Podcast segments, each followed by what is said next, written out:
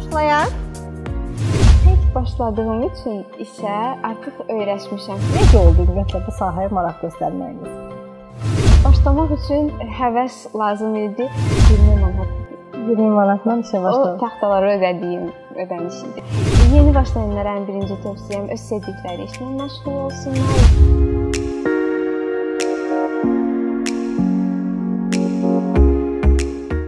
Dəyərli dostlarım, salam. Hər birinizi Bizneskar kanalımızda görməyimizə çox şadıq. Bu günlərim sizinlə yenə mən Aytən Muxtarovum.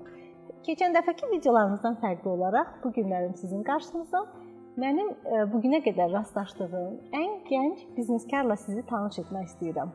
Gəlin qonağımızla birgə tanış olaq. Xoş gəlmisiniz Amaliya xanım. Biraz özünüz haqqında məlumat verin zəhmət olmasa. Ə, Mən Avalya Verdiyeva, ixtisas şəxsiyyəti rəssam, Bakı Humanitar Kollecini bitirmişəm. Ə, Malbərli brendinin yaradıcısıyam. Çox maraqlıdır həqiqətən də Amaliya xanım. Bu sahəyə necə maraq göstərdiniz? Bunu hardasa gördünüz və daha sonra özünüzdə tətbiq etməyə başladınız? Yoxsa hələ necə oldu ümumiyyətlə bu sahəyə maraq göstərməyiniz? Taxta üzərində ümumiyyətlə ə, bu ideyanı mən xarici bir səhifədə görmüşdüm, ancaq xalçaları çəkmək ixtisasımla bağlı olaraq xalça çəkməyə qərar verdim taxtaların üzərində. İlk başlarda daha çox lap xalçaları əks etdirən işləri işləməyə çalışırdım. Daha sonralar modern biraz xalçalara modern üslubu qatıb ə, yeni nələrsə etməyə, öz ə, tərzimə uyğun nələrsə etməyə çalışdım. Amaliya xanım, bu sahəyə gəlməkdə sizə kim kömək göstərib? Kim köməyiniz olub, dəstəyiniz olub? Bunu eləyək bərabər kim olub bax sizə belə dəstək göstərən? Bu iş əslində bir rəfiqəmdən başlayacaqdı. Yəni e, ideya məndən olsa da, nəyəsə başlayaq ideyası rəfiqəmdən gəlmişdi. O rəfiqəm amma artıq bir yerdə işləmir. çalışmısınız yəni. Az öncə də qeyd etdiyim kimi mənim rastlaşdığım ən gənc bizneskar deyərdim mən sizə. Amaliya xanım, bəs bu iş sizin hobbinizdir, yoxsa ümumiyyətlə siz bu işi daima görmək və bunu daha da genişləndirmək? Bundan sonra özünüzü hansı yerdə və hansı işlərdə görürsüz? E, Əslində başlıq olaraq hobbi olaraq yanaşırdım. Çünki tələbə idim, başlayanda e, praktika vaxtlarım idi. Tam olaraq hobbi olaraq başlamışdım. Daha sonra m, çox maraq oldu və brend olaraq görüldüm. Mən düşünmürdüm ki, adi bir səhifədə insanlar şirkət soruşarlar ki, sizin şirkət harda yerləşir, mağazanız hardadır. Amma artıq bir mağaza düşünürəm ya da emalatxana düşünürəm. Gələcəkdə inşallah olar olar da, amma ümumiyyətlə bu işi hobbi olaraq başlayıb daha professional, hətta indi çox zəifdir bizdə hər işə özüm gördüyüm üçün daha professional bir səviyyəyə çatdırmaq istəyirəm. Mən belə başa düşdüm ki, deməli siz taxtaların kəsimindən tutmuş, bütün naxışlama işlərinə qədər hər bir işi özünüz görürsüz, düzdür? Çəkilməyi, taxtaların e, necə, hansı formada kəsilməsinin belə siz verirsiniz, düzdürmü? Kəsilməyə, bəli, dizayninə, taxtaların formasının dizaynları mənə aiddir, ancaq ustaların işidir. Üzərini bəzəmək, daha sonra satışa hazır vəziyyətə gətirmək hər biri mənim məsuliyyətimdədir. Belə başa düşdüm ki, siz hazırda özünüz yalnız tək çalışırsınız. Bəli. Bəli. Bu sizin üçün nə qədər çətindir? Yoxsa bu sizə çətin olsa belə çox həvəsləndiricidir? Necə olur? Bax bu prosedurunuzu bilmək istəyərdim. Tək başladığım üçün işə artıq öyrəşmişəm. Hər bir prosesi özüm görməyə öyrəşmişəm, amma yenə də ailənin böyük dəstəyi olur. Qardaş, mama, hər kəsin hansısa işdə bir köməyi olur. Yəni bir də görürsüz rəfiqələrin də çox köməyi olur. Çox iş olanda deyirlər, gələk bir yerindən də biz rəngləyək. Belə e, tək işləmək kiminləsə işləməkdən hələ ki mənə daha rahatdır. Çünki öz fikirlərimi hər kəsə daha rahat ifadə edə bilmədiyim üçün e, kiməsə bir nəyisə başa salana qədər o işi mən özüm artıq görə bilirəm. Görmüşsünüz olsun. Amaliya xanım, bu işi ə, az öncə qeyd etdiyiniz kimi xarici səhifələrdə görmüşdünüz və özünüzdə də buna tətbiq etmək istədiniz və bu işi araşdırmaq ə, sizin nə qədər zamanınızı aldı? Nə qədər vaxtda siz dediniz ki, bəli, mən bunu araşdırım ə, və necə sizdə belə bir fikir yarandı ki, mən ə, taxta üzərində və taxtaları müxtəlif formada kəsdirməklə bu necə sizdə yarandı? E, Vaxt olaraq başlamaq çox uzun vaxt e, çəkdi. 3 aya qədər mən bu işin üzərində işlədim. E, Başlamaq üçün həvəs lazım idi. Tələbə olduğum üçün biraz öz işlərimə daha çox vaxt ayırırdım. Ancaq 3 aya tam olaraq taxtanın üzərində boyanın getmədiyinə əmin olduqdan sonra artıq mən işləməyə başladım.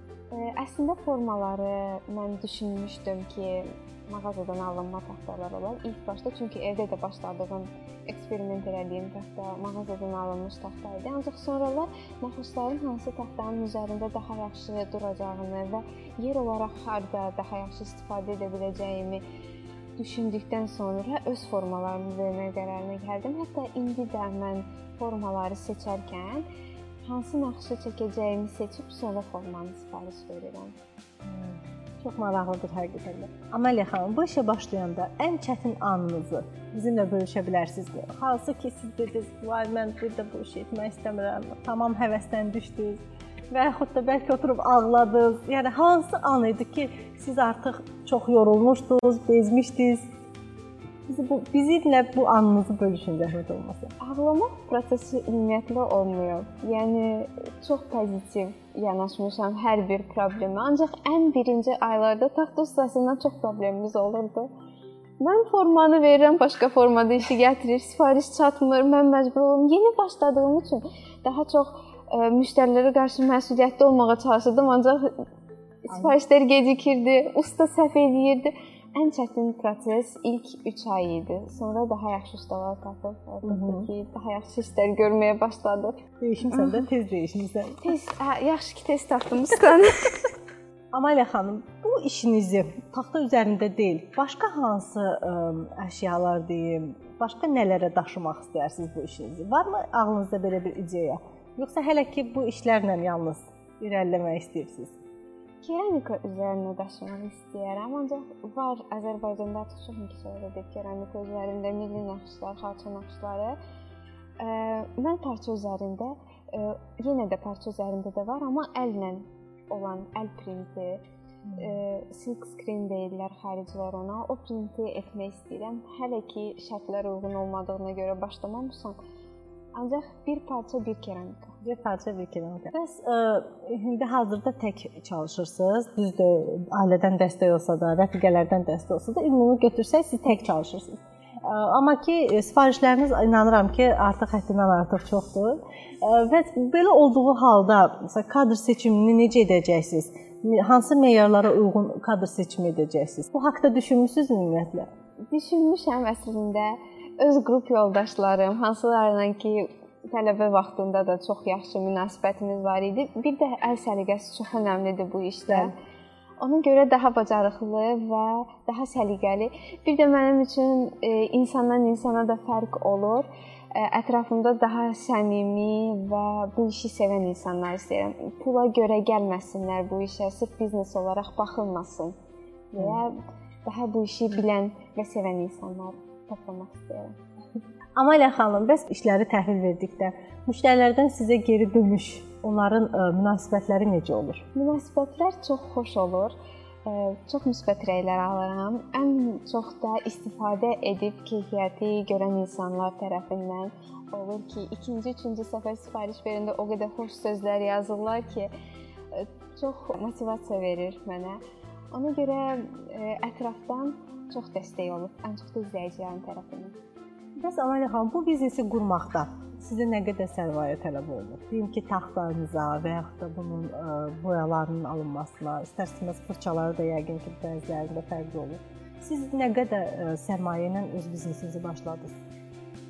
Boya və fırçaları ə, e, rəssam olduğum üçün artıq evdə var idi. Mən çox yoxlamışdım. Bu işə başlamaqdan ötürü hansı boyalar daha çox taxtanın üzərində qalır?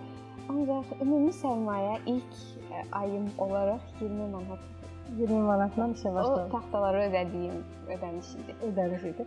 Amma ümumi götürsək boyalara təxmini məbləğ deyə bilərsiniz, bu bizim izləyicilər üçün maraqlı ola bilər. E, ümumi rənglərdən, yəni nə qədər rəng çeşidi olacağından və hansı fırçalardan istifadə olunacağından asılıdır. 50 manat, 100 manat civarında, sərmayə tələb. Əla. Amaliya xanım, biznesdə başlamaq istəyən gənc bizneskarlara nə məsləhətləri görə bilərsiniz? Yeni başlayanlara ən birinci tövsiyəm öz sevdikləri işlə məşğul olsunlar və çox səbirlə, təmkinlə, hövsələ ilə biznesin böyüməsini gözləsinlər, sevilməsini, insanlar tərəfindən qəbul edilməsini. Çünki mən başlayanda taxtanı e, deyirdilər ki, bəs boyalarınız gedər, bəs birdən alarıq 3 gündən sonra bunun boyaları gedər. Səbirlə hər kəsə cavab vermək və insanların sizə güvənini qazanmaq, sonra isə hər şey öz yoluna düşəcək. Amaliya xanım, gündəlik ritminizi necə qurursunuz? Ümumiyyətlə planlarınızı necə hazırlayırsınız? Əslində plansız olaraq çalışıram. Ümumiyyətlə aylıq plan, həftəlik, günlük plan olmayaraq çalışıram. Bu işdə ən e, sevdiyim cəhət odur ki, mən istədiyim zaman tətil elan edib harasa gedə bilirəm. Heç ritm yoxdur, yəni. Nə zaman e, çəkmək istəsəm o zaman çəkəcəm. Ki e, istəmədiyim vaxtlar nəyi seçsəm, istədiyim kimi çıxmayacaq. Anladım. Çox maraqlıdır həqiqətən də. E, Amaliya xanım, sizə təşəkkür edirəm. Bizə zamanınızı ayırdığınıza görə, bizimlə e, öz e, işinizi, öz ideyalarınızı, fikirlərinizi bölüşdüyünüzə görə. İnanıram ki, sizin e, danışdıqlarınız e, bütün gənc bizneskarlara bir örnək olar e, və sizin timsalınızda biz də gəncliyə öz töhfəmizi vermiş olarıq. Sizə dərin təşəkkür edirəm gəldiyiniz üçün bir daha. Sağ olun. Mən də sizə çox təşəkkür edirəm dəvətiniz üçün. Çox xoş oldu sizi tanımaq. Çox sağ olun. Belə əziz izləyicilərimiz, bugünkü Bizneskar kanalımızdan da bu qədər. Növbəti videolarımızda daha yeni bizneskar, istərsə xanım və yaxud da bəylərlə sizi mütləq şəkildə tanış edəcəyik. Bizi izləməyi unutmayın. Öz fikirlərinizi, rəylərinizi də bildirin. Kanalımıza abunə deyilsinizsə, abunə olun ki, məhz belə gənc bizneskarlardan sizin də xəbəriniz olsun. Sağ olun.